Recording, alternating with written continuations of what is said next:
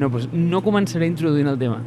Començaré assegurant i donant la certesa que aquest episodi tindrà 20 minuts. Bueno, 20, 25. Però comença el tema perquè és que jo tinc la paràbola per començar-lo. Vinga, va, anem a dins. Ah. Vale, vale, no, espera. Puc dir una cosa només abans? Sí. És el que bonament es coneix com seguiment, d'acord? Perquè vaig estar escoltant el teu anterior episodi. bueno, el teu, vaja, el nostre. I és allò que una altra vegada l'escoltes, li, li veus com una altra dimensió, no? I vas donar un punt molt interessant que després em va donar molt que pensar. T'explico. Sobre el tema de la regulació de contingut, eh, no ens vam ficar gaire d'acord i va ser desordenat de pilotes. Però bueno, eh, van, van sortir coses bones. Què et volia dir? Vas dir, ostres, és que clar, això té un impacte brutal. Vas dir, imagina't que el teu podcast només es pot escoltar en una regió determinada, no? És a dir, que està d'alguna forma, la- l'arribada a internet està regulada de manera que el contingut té barreres geogràfiques i, i, no, i, i no circula lliurement per la xarxa. Llavors això, que és una cosa que, com bé dèiem, vull dir que ja sabíem, i no és cap novetat ni cap notícia, que vaig estar pensant, ostres, això són les millors notícies que li pot donar Safareig. Que realment, o sigui, el que és el que ens talla les ales, que és que no puguem expandir-nos eh, fora de la regió geogràfica on es parla el català, el fet de que imagina't que aquí es desenvolupi com una espècie de mm, frontera lingüística eh, cap a fora Europa i que el contingut de Safareig no es pugui escoltar fora, és un avantatge en si mateix. Ve implícit que el fet de la regulació del contingut només ens afavoreix. I després vaig estar com desenvolupant, ja saps que a mi el tema de la política i la independència em toca un peu, però vaig estar desenvolupant aquest concepte d'independentisme estratègic. Soc un independentista estratègic. O sigui, vull la independència de Catalunya només pel profit de Safreig. Com ho veus, això? Jo sempre... Mira, abans d'anar al tema, uh, sempre penso en els gossos. Quan, quan mm, un dia que vaig anar a Los Angeles i veia una noia darrere meu que portava un gosset a l'avió, són 9 hores de vol. I pensava, clar, aquest gosset que és de Barcelona, se n'estan anant a Los Angeles i quan es trobi altres gossets de Los Angeles hi podrà parlar i es podrà comunicar. S'oloraran, faran aquell al cercle i tal, es coneixeran i llavors els gossos continuaran amb la seva vida. I és una cosa que nosaltres no podem fer. I pensava, hòstia, interessant. Però, i, i, i també és interessant el que dius, que introdueix una mica el tema d'avui. Ah, sí? Bueno, no sé molt bé com l'introdueix, però de, de què parlarem avui, Marc? A veure, és que jo pensava que anàvem a parlar de stories, perquè com sempre ho tenim tot molt ben programat, però el Ramon a última hora m'ho canvia, perquè eh, evidentment mm, té inquietuds i li surten coses entre la setmana i diu, ei, ei, hem de parlar d'això també, que és molt interessant. I al Ramon li pica la curiositat aquesta idea de què fa... Quina és la, forma, la, la fórmula de l'èxit? I té la paraula que, i el concepte que li encanta, el punt d'inflexió. I ahir em va enviar una espècie de gràfica exponencial on just em marcava un punt al principi de la, de la, on començava l'exponent i que deia, tio, tu pots estar aquí, el rotllo que ho veus pla, però no saps que just davant tens com, tio, la gran explosió. I jo li vaig preguntar, això què passa, tio, que estàs molt desanimat per safreig o què? Ho veus molt malament el tema o no? I em diu, no, no, tio, diu, és el tema del punt d'inflexió. I jo, ah, vale, bueno, mal. Llavors, a veure, Ramon, explica'm, i ara sí que et dono l'entrada. Digues. Mira, abans d'entrar al creador i què fa una cosa exitosa, perquè trobo que és una cosa que no solucionarem i, i, i no solucionaré, et vull introduir aquest tema amb una cosa que és super rellevant Ah i que m'entens, estic tocant la notícia, tot i que quan surti això no en serà notícia o probablement ja s'haurà desenvolupat d'una altra manera. Però estic molt content d'haver fet aquest canvi, perquè ahir va passar una cosa al·lucinant. vale. I et parlaré un moment de calés. Parlaré un moment d'economia. M'encanta. Uh, tema que jo no tinc ni idea, per altra banda, però bueno, això ja fa una mica on topic. A veure, uh, durant l'any passat, durant finals de l'any passat, principis d'aquest any i sobretot aquesta setmana, hi va haver una companyia que es deia GameStop, que és rotllo game, uh, no sé si coneixes game, no sé com es diu, però bueno, és, és aquelles empreses que tu vas i compres el joc, és quan els jocs es compraven amb caràtula, ara vas a la, a la, a la Play Store i te la compres. doncs hi ha un, una empresa que diu GameStop als Estats Units. Llavors, uh, gent, de, gent de Reddit es va organitzar perquè veien que l'estoc estava caient. I hi ha una manera d'invertir en borsa, que no és invertir, és, és, fer, és, és jugar en borsa, que és bàsicament invertir amb l'altra cara de la moneda. Nosaltres, quan, quan pensem en invertir en borsa, tu penses en invertir cap a dalt. Però hi ha, hi ha empreses que inverteixen cap a baix. Llavors, el que és important d'invertir cap a baix és que tu eh, et quedes unes accions, és a dir, demanes prestades unes accions a un preu determinat, fiquem 10 euros, llavors tu intentes que el preu vagi cap a baix, llavors quan estigui a 5, fiquem, tu compres les accions que havies prestat perquè les havies venut a 10, les tornes i llavors t'has guanyat 5 euros per acció. Llavors, el, el, el guany potencial és 10 dòlars. Aquí estem d'acord. La pèrdua potencial és infinita. Si aquell estoc, per comptes d'anar cap a baix, va cap a dalt, la pèrdua és infinita. És a dir, podria pujar fins a infinit i llavors tu, com que has de tornar les accions que t'has has deixat, necessites comprar i vendre. Fantàstic. Per què dic tot això? Dic tot això perquè hi ha una empresa eh, que va invertir bilions amb que GameStop cauria i llavors la gent de Reddit ho va veure, es va organitzar i va començar a comprar accions de GameStop que estaven a 4 dòlars l'any passat. Va pujar fins a 20 al desembre. 40 a principis de gener. 100 aquesta setmana, ahir estava a 340. La empresa que tenia més de... mm, Em penso que tenia 4 o 5 o 6 o 7 bilions de dòlars amb curt termini, o a curt, amb aquesta empresa, està a punt de fer fallida. Llavors, això és un tema fascinant. I el que em fascina és que una idea tan, entre cometes, absurda com anem a fer que, aquestes, que aquests grans inversors facin fallida i nosaltres, la gent de Reddit, ens podem organitzar dins de la plataforma i podem fer que això passi, tot i la, la informació que surt, perquè després hi ha fils i, i et passarà un fil. Et passarà un fil de, de tota la, la, la informació que, que els bancs van començar a ficar. El, el CEO de Nasdaq va sortir dient que, don, que, que la gent eh, donés una pausa als grans inversors perquè poguessin recol·locar tots els seus calés. És a dir, ja estaven com una revolució des de sota. Llavors, co com té a veure això amb l'èxit? No té a veure res, perquè una cosa... És a dir, sí que té a veure perquè al final és un èxit d'una organització.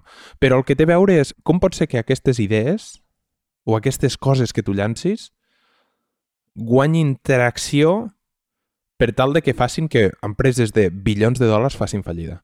O com pot ser que tu, quan llancis el teu producte, mils de persones beguin aquest producte. I, hòstia, això, és a dir, no he ficat un duro a GameStop, evidentment, perquè vull dir, no... Uh, saps el que vull dir? Però em sembla, em sembla fascinant la idea de que la gent es pugui organitzar i de que hi hagi aquesta, aquest corrent d'informació tan ràpid i que una cosa que passi als Estats Units, que sigui una cosa superlocal, comenci o, o, o arribi aquí d'aquesta manera per canals com Reddit i, i coses així. I ara s'estan parlant de salvar empreses com Nokia, BlackBerry, etc. Perquè si ho penses, i, i això és un parèntesi en aquesta idea, és molt tèrbol ficar calés a que una empresa caurà al terra. Però bueno, no, no cal entrar aquí, però No, no, no. Però és una cosa que s'ha fet sempre, eh? Vull dir, les posicions curtes eh, contra companyies, i hi han hagut casos d'aquests històrics, no? Mm, Bueno el, bueno, el, el següent. Mira, per exemple, una de les companyies que va estar molt més afectada per aquest tema, inclús eh, va tenir que sortir públicament el seu, eh, el seu CEO dient tios, o sigui, pareu perquè això és una carnisseria, és Tesla. I és, és un cas ultraconegut de, de posicions baixistes contra, contra Tesla. De fet, i ara no recordo qui va ser que va enfonsar la lliure esterlina. Eh, juraria que va ser... Uau, aquí, aquí, aquí, em podria equivocar, eh? però juraria que va ser eh, Carlos Slim, que en posicions curtes contra la lliure esterlina literalment la va ensorrar. Però és, és molt interessant el que dius, no? En quin moment com petits eh, inversors aglomerats giren la palanca contra l'establishment o, els, eh, o, o d'alguna manera doncs, grans grups d'inversors. Clar, però també depèn de, de, del volum que estem parlant, perquè això no ho pots fer contra companyies capitalitzades mm, a nivell leyenda, com Apple, Amazons, Microsoft de la vida, però amb penny stocks d'aquests com, com GameStop, doncs a lo millor sí. I a lo millor no és tan penny stock, però, però vull dir, eh, clar, perquè potser ho era a, a, a 20 dòlars, però a 300 dòlars... Bueno, dos coses. Una de les persones que va ficar un tuit abans d'ahir per popularitzar-ho, Elon Musk. sí, va ficar un tuit al seu, al seu al, al Reddit, que, que era on s'estaven organitzant, i va ficar GameStongs o no sé què, i rotllo, organitzem-nos aquí. Mm, és que, Ramon, va acabar molt estar les pilotes aquest tema, eh? Hey, I l'altra, i l'altra cosa és... Um, clar, són, són penny stocks, però tot i així, clar, no és una persona, no són dos, no són tres. O sigui, hi, hi havia gent que estava passant pantallazos de acabo de ficar 74.000 dòlars acabo de ficar 120.000 dòlars, que a veure, que això són molts... Mm, és a dir, és, és una, és una d'allò molt petita, però quan organitzes mils de persones, clar, em sembla fantàstic. Llavors, què fa que una idea així agafi aquesta atracció? Què fa que quan tu llancis un producte... Uh, per, per exemple, vam llançar una petita pàgina web que es deia Vacuna, que, que t'ensenyava una mica informació sobre el Covid i tal. Uh, què fa que aquesta pàgina web guanyi, guanyi tracció? Per exemple, fa 4 o 5 anys vaig llançar una cosa que es deia Puzzles, mm, puzzles. Uh, ahir estava mirant els usuaris que vam tenir durant un any perquè no vaig renovar el domini i va ser 54.000 visites, només amb un tuit inicial. Llavors, què fa que una cosa tingui 54.000 visites contra les de vacuna, que n'ha tingut unes 400 en dos dies? O, o, o avui estava mirant una pàgina de Twitter que hi ficava mm, mireu, tinc porto 7 anys a Twitter, 2.500 tuits i tinc 69 seguidors. Diu, això és una mala gestió de Twitter? I diu, sí, és una mala gestió de la meva pàgina. Què fa que hi hagi gent que pugui ficar 2.500 tuits i tenir 69 seguidors? I hi hagi gent que tingui 4 tuits i en tingui 3 de virals? Hòstia, m'apassiona la idea. Vale. Tinc tres idees al cap, que les farem anar ràpid perquè ens queda poc temps. La primera és que ets un venedor pèssim. Vale? Primera cosa, vacuna't, si plau tota persona que estigui escoltant això, per favor, que vagi al domini més divertit que he vist mai, que és vacun.at, vacunat, brillant. Ho vaig compartir amb els meus pares i els hi va semblar fascinant. És l'única manera que jo he sabut les estadístiques de vacunació del món mundial. Val? Eh, I sí, i vaig rebre el, el feedback dels meus pares, m'han preguntat, uau, això el Ramon ho actualitza cada dia. I jo es vaig contestar, a veure, sí, va, va, sí, no enteneu res de com funciona internet. Evidentment no. I li vaig escriure al Ramon, rotllo, ja, ja, ja, mira que m'han preguntat els meus pares. I el tio em contesta, no, diu, ho fem un o dos cops al dia. I llavors, ai, Déu meu, els dit els meus pares que eren retrasats mentals per preguntar-me això, i ara resulta que el tio realment sí que ho fa. O sigui, bueno, en fi, que sapigueu que hi ha un asa al, girant al voltant d'un pou que està com eh, donant l'energia en aquesta, eh, en, en aquesta web casolana de vacunat. Però la web mola que t'hi cagues. Per tant, aneu ara mateix a mirar-la. La posarem als show notes. Dit això, eh, sobre el que em dius tu de l'economia del creador, i ara ja tornem al tema que toca, eh? a mi aquí sempre hi ha un tema que em, que em té molt preocupat, Ramon, tio, que és... Eh, hi ha aquest bias que per mi és dels que ara mateix, com a nivell social, és el, del, del que més patim, i és el, el survivorship bias, que d'alguna manera, eh, posat amb un exemple molt tonto, a mi m'encanta aquest exemple, hi ha mil exemples, però a mi el que m'encanta és el dels avions de la Segona Guerra Mundial. Quan van estar, eh, els, els americans van dissenyar un plan, l'exèrcit americà, per d'alguna manera reforçar el fuselatge dels avions de combat en els llocs més crítics eh, on, on estaven tocats per, per, per foc enemic, no? I un paio, que ara no recordo com es deia, va sortir amb una contraproposta on bàsicament reforçava les àrees que l'exèrcit americà deia que no s'havien de reforçar. Llavors, l'exèrcit americà bàsicament es, es basava en que els avions que tornaven miraven on estaven més tocats i deien, cony, tio, aquí hi ha un munt de bales, eh, hem de reforçar aquestes parts de l'avió. I en canvi aquest tio va dir, no, no, no, no, no, el que no esteu tenint en compte, xatos, és que els que tornen són els que es poden permetre tenir aquests balazos. Per tant, aquests llocs, en, en, o sigui, que et toquin en allà no és crític. El problema és el que els, que els que no esteu veient són els que no tornen. És a dir, els que toquen les bales en els altres llocs vol dir que aquells són els que cauen. I al final això és com, no sé, eh, com el quadre aquell dels, eh, del, mm, com és, del barco okay, que està com a la deriva, no? I diu, tio, què és el que, el que prevent que el teu barco se'n vagi a la deriva? Aquesta història és molt antiga. I diu, tio, pues, cantar a les deeses de no sé què. Tio, el que passa és que el que no es diu és que els que s'ensorraven també cantaven a les deeses, saps? El que passa és que, clar, com que només eren els que tornaven, doncs, tio, pues, pues, pues és la història que quedava. Pues a mi em fa por que això pateixi una mica mm, d'aquest tema. I més sobretot quan estem extremadament exposats a, a tot. És a dir, que ja no tens només com la història local del paio del, del bar, sinó que ara t'arriba tot, no? I què veus? Doncs, pues, tio, eh, qui triomfa a la vida? O oh, els dropouts de l'escola. Clar, home, evidentment, tio, els que deixen la carrera mm, i se'n van a muntar la seva empresa. Clar, el que no veus són el 90% dels dropouts que deixen la carrera i, i se'n van a la merda, saps? O, tio, com vols ser rica a la vida? Hombre, tio, pues munta una startup, tio, això és la hòstia, tal, mira, eh, mira lo bé que li van a, a Wozniak, a, a Gates, mm, a Jobs, mm, tio, Bezos, tot, tots, tots, superbé, és, és la manera... Ah, el que no t'expliquen són els que es van quedar per la carretera, perquè aquests no són tan guais, no? I a mi això em fa por, Ramon, tio, que d'alguna manera es dongui com, com consell molt prescriptiu sobre aquest tema i, i després resulti que el que sigui sigui una recepta pel fracàs. I, i, i a vegades ho veus, no? Que hi, hi ha gent que té tuits que són virals i els hi preguntes com és que aquest tuit ha rebut 20.000 o, o 30.000 retuits i et diu, no sé. Vull dir, lloc adequat, moment adequat i tal.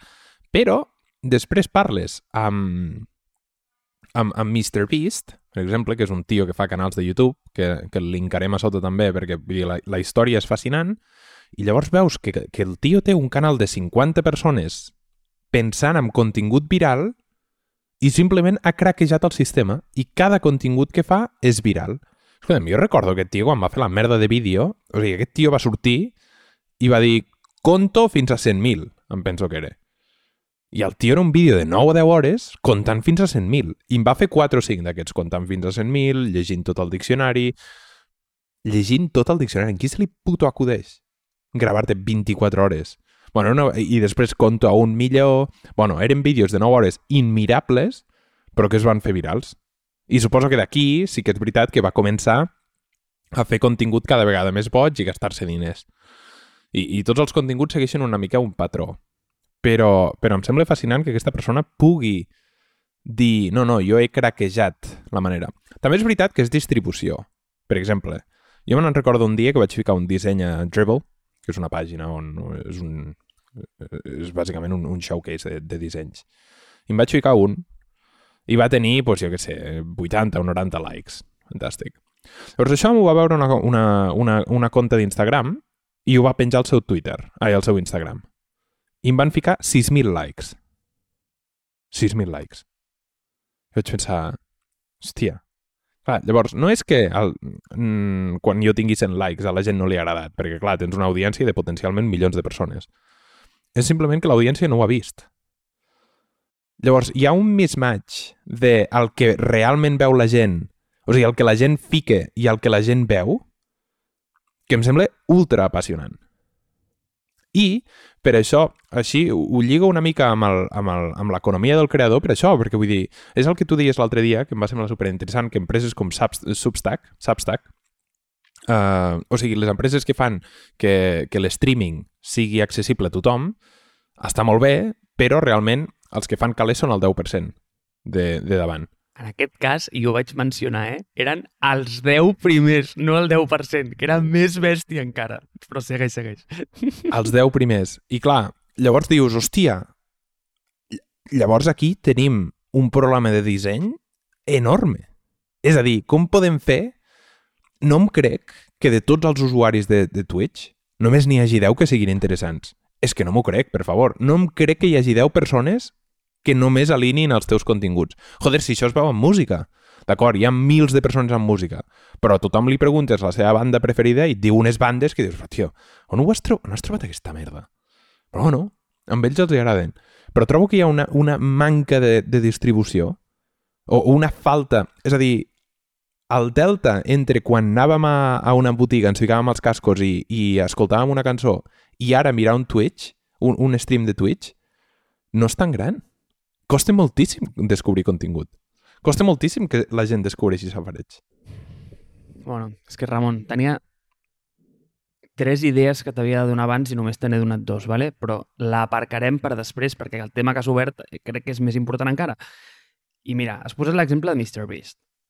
Clar, és com el contraexemple perfecte de dir-me no, no, és que aquest tio ja va dir que aquest contingut seria viral i que ell sap com craquejar el sistema i d'alguna manera ha sabut entrar, però clar, quants d'aquests hauran sortit abans i hauran dit sí, sí, sí, jo també tinc la recepta perfecta i, i s'hauran ensorrat a la misèria.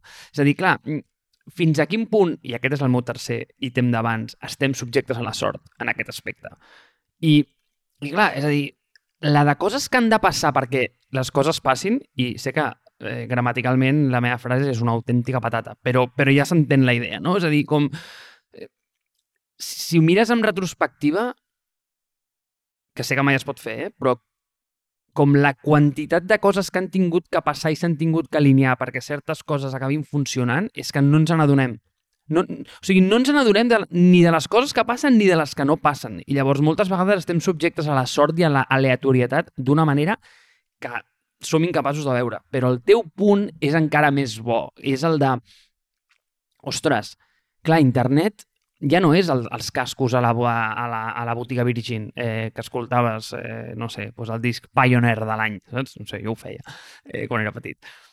Sinó que, clar, aquí tens literalment tot el món posant contingut i quina és la teva finestra per mirar-lo o per descobrir-lo? Doncs pues són 1280 per 800 píxels i ja està.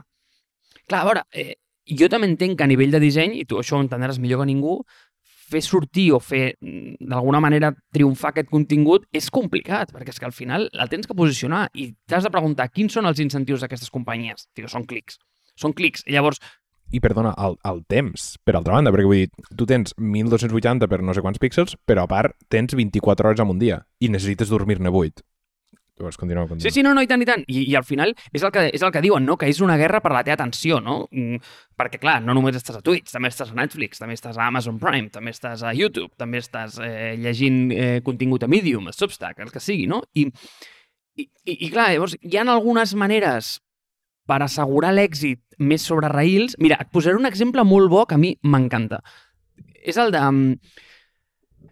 Com es diu? Ei, és que sempre fico, li fico el nom al revés. No sé si és Li Jin o Jin Li, mai, mai, mai me'n recordo, ¿vale? És, és, una, és una noia que va ser la que va activar una mica aquesta idea de la, de la classe mitja pel, per l'economia del creador. Eh, llavors és una... Per què t'estic explicant això? Perquè jo me'n vaig més, en lloc de dir, ei, no, mm, vaig exposar-me a la viralitat i a veure si sona una flauta, ella ho va fer the hard way. És a dir, ho va fer, mm, tio, doncs, eh, picant pedra. I, I aquí sí que d'alguna manera estàs menys exposat a la sort. Ella què fa? Ella diu, molt bé, a mi el tema de l'economia del creador em reflipa. M'encanta i l'entenc molt bé. Llavors la vaig explorar. Llavors comença a perforar el vertical, eh, com si no hi hagués demà, eh? O sigui, fa el forat a la terra, ¿vale? Llavors, un cop ha amansat aquesta audiència dintre d'aquest vertical, que això més o menys, a veure, evidentment estàs exposat a la sort, però ho pots controlar, perquè llavors els teus canals de difusió són més evidents i saps on colar aquest contingut, saps on, on magnificar-lo, saps a qui compartir-lo. Eh, mm, tens més facilitat quan ja no estàs competint simplement per views i per clics. Llavors, un cop ella ha entregat contingut gratuït i més, i més, i més, i ho ha fet durant anys, em va arribar ahir un mail seu, o abans d'ahir, que deia, ei, Eh, saps tot el track record que m'he muntat? Mira, tinc aquestes credencials, això, això, això, he demostrat això, això, això en economia del creador. Mira, saps què? Eh, vaig a muntar un curs presencial que costa 1.250 dòlars l'assiento sobre el tema de l'economia del creador. Si vols, pots apuntar-te. Eh, estava sold out amb... Mm, tio, amb una hora. Eh, llavors, ha tingut sort? Segur, segur tio, jo què sé, hagués pogut mm, trencar una cama el primer dia que va fer eh, el primer post i dir això és una merda, això no em funciona perquè em porta mala sort i desdir-se'n, saps? Per dir una tonteria.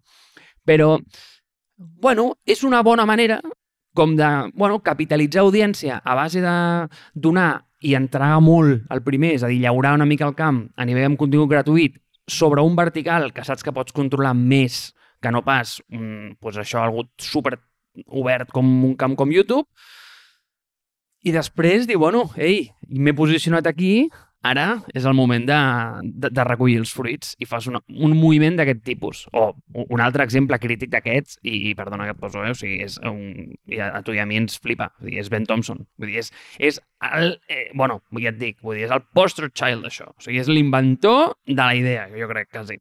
Clar, però què fa que aquesta persona faci 2.500 tuits i amassi aquesta audiència que fa que pugui pagar-se 1.250 euros de curs? O sigui, ja, ja no anem a, al producte que llança. Clar, a mi, a mi el que m'interessa són fer l'audiència aquesta. És a dir, arribar a tenir els, els 250.000 seguidors. Els 150.000 seguidors que fan que tu puguis pràcticament començar qualsevol cosa i ja tinguis una audiència de base que digui, hòstia, boníssim. Clar, però això, Ramon, depèn només de tres coses. Vale? Llavors, tornem. La primera, per mi, òbviament, és la sort. Vale? I això aquí sempre estàs exposat. Però llavors dius, vale, com puc minimitzar aquest primer factor? Llavors, per minimitzar aquest primer factor, en tens dos més. Que si pots controlar bé aquests dos més, pots minimitzar el primer, que és la sort. El segon és determinar molt bé el teu vertical, és a dir, ei, eh, aquesta és la meva ocupació i jo faré exactament això i aquesta és la meva temàtica i el meu value prop és exactament aquest. Perquè en el moment que saps això, tens molt més control sobre per on pots distribuir el contingut, ja no vas a cegues, ja saps quines comunitats pots tocar i saps com el pots fer sortir a la vista d'una manera més senzilla. Vale? Evidentment, sempre dic que estàs exposat a la sort. Eh? No, aquí no hi ha recepta segura. Simplement estic intentant maximitzar les meves opcions. I la tercera, i ho sento, però vull pensar que és la més important, no sé si ho crec, eh? però vull pensar que és la més important, tio, és fotre les hores, tio. Eh, és, és currar-t'ho. Perquè dius, no, és que eh, era, de nou, la gràfica que tu em, em passaves. Que aquesta gràfica, eh, aquesta que, de la curva exponencial, estan just al, al tip del, de l'exponent, eh, em recorda molt aquell meme que hi ha, que és el tio que està picant en una mina, no? que es veu des del costat i, i té com el, el, el, el, el catxo de diamant com res, a tocar i ha fet un túnel i, i desisteix. Diu, va, tio, mm, a la merda. I, i, i ho, té, ho té allà, ho té allà, ho té, ho té tocat, ho té tocat el pobre, però clar, però no ho veu. I és, és molt frustrant, és a dir, tio, però segueix, però si ja ho tens fet ja. Però no. Eh, I llavors, per mi, sí, estàs exposat? Sí, però si ets capaç de controlar el teu mercat, gestionar molt bé el contingut amb un nicho i després, tio, li fots les hores, pues, eh, pues jo crec que tens bueno, la recepta per, una, eh, per, per un bon èxit i, i, bueno, i ja veurem si ens mengem i ens apliquem nosaltres la nostra pròpia recepta amb safreig, a veure a veure qui ens ho dirà dintre de 3 anys, si som el miner que va tirar l'axe, o sigui, el, el pic i la pala a, a, a, res, a, a dos dits del diamant o, o tio, ho hem construït Safreig Media Corp. bueno, hi ha coses que es tornen virals una vegada ja les has fet i una vegada, o sigui, a, a posteriori. Jo, jo també m'agradaria pensar que, que, que és ficar-hi les hores i treballar i, i la feina ben feta, però tot i així, cada vegada hi ha més gent creant contingut, cada vegada més, hi ha més gent consumint-ne, i penso que la velocitat a la que anem és tan forta que pràcticament no deixa fer que tu... És a dir, penso que estem tenint un problema de, de quantitat versus qualitat brutal i, i penso que això, aquesta tendència continuarà. És a dir, ja, ja no cal que creïs una campanya publicitària de dos collons um, fent unes fotografies espectaculars amb, amb, amb workshops a darrere per trobar la, pos la postura perfecta. Ja és fer una cosa que reclami atenció als 5 minuts que tu estàs fent scroll a Twitter i, uh, i moure't. Jo penso que ens estem movent cap aquí, però bueno, uh, definir el vertical, eh?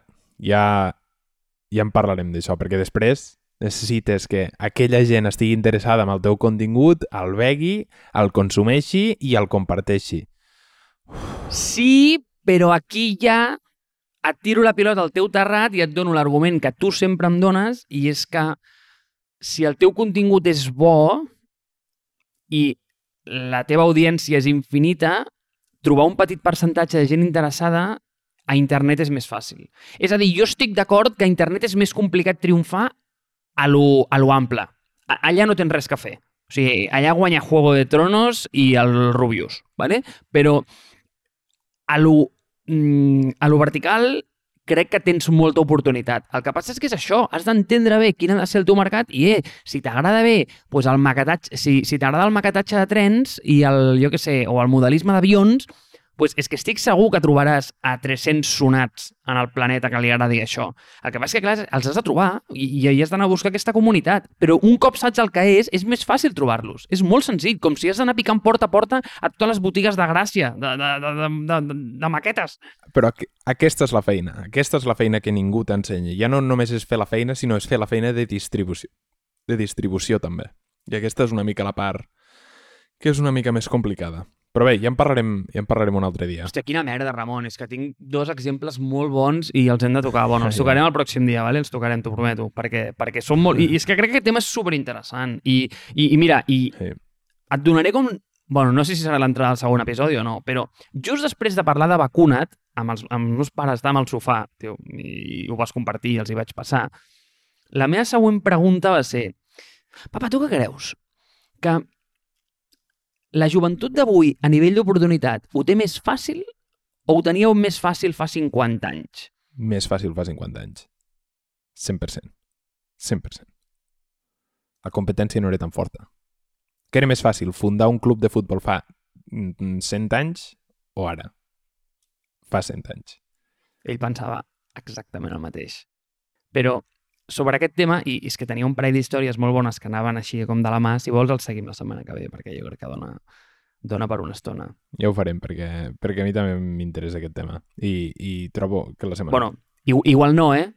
Igual, igual, igual seguim per un altre lloc perquè el Ramon m'escriu el dijous i em diu ostres, Marc, tio, he trobat que de veritat, eh, que mm, la injecció molt des de plàstic és molt més interessant. Hem de fer un episodi de com es fan els mandos per la tele. Llavors, i No, això ets tu. si això ets tu. El que li interessa com estan fetes les coses i tal. A mi Oh. m'interessa que les coses estiguin ben fetes, no com estan fetes. M'és absolutament igual. Oh, això és un drama, eh? És, un, és una... Et persegueix tota la vida, perquè cada cop que agafes una peça de plàstic, tio, vas a buscar com el punt d'injecció del motllo per veure si està ben acabada, mires les costures, és horrible, tio. És com tu amb, el, amb, el, amb, la, amb la- font, amb el kerning, no? Que, que, que, tens com aquesta, aquesta maledicció que et persegueix, doncs a mi em persegueixen amb les coses, tio, és horrible. Però bueno, en fi. Pues, pues jo només te'n diré una. Els sons a les pel·lícules. Uh, el, com estan... És a dir, quan tu mires una, una pel·lícula i veus on està el tall de càmera, els talls de càmera, els talls de guió, els talls de, de veu, eh, els sons artificials, per exemple, Tarantino ho fa servir molt eh, quan, quan es fuma un cigarro un dels seus un dels seus actors, el soroll que li fiquen, tot això és fals. El 80 o 90% dels sorolls que tu sents a una pel·lícula, que acompanyen una pel·lícula, són falsos. I quan veus això, ja no disfrutes mai més de la pel·lícula. Per tant, em sap greu. Ja. Sí, sí, no, no. Bé, amb aquest tema no, no sóc molt sensible, però només sé, perquè tinc una amiga meva que és molt cineasta i m'ho va dir un dia i em va fascinar, que Birdman està rodada com d'una. O sigui, sense talls de càmera. I, uau, un cop ho veus, dius, Déu meu, és impressionant. I l'altre, que, que, que també tu dius, això ho vaig notar jo, eh, xaval, aquí el crèdit és per mi. Em va flipar el so de quan cla eh, la pel·li de Tarantino, de Inglourious Bastards, quan clava el cigarro en l'estrudel, el soroll aquell, o sigui, allò té una força, bueno, és que l'escena en si té molta força, eh, però, en fi, Ramon, tio, és que em passaríem tu parlant 20 hores. eh, Que, tio, eh, és que, és que va contra, eh, 20 minuts van contra la nostra naturalesa, però, en fi, tio, bueno, va, 30 estan bé. Bueno, que aquesta és la tensió, aquesta és la tensió. Vinga, va,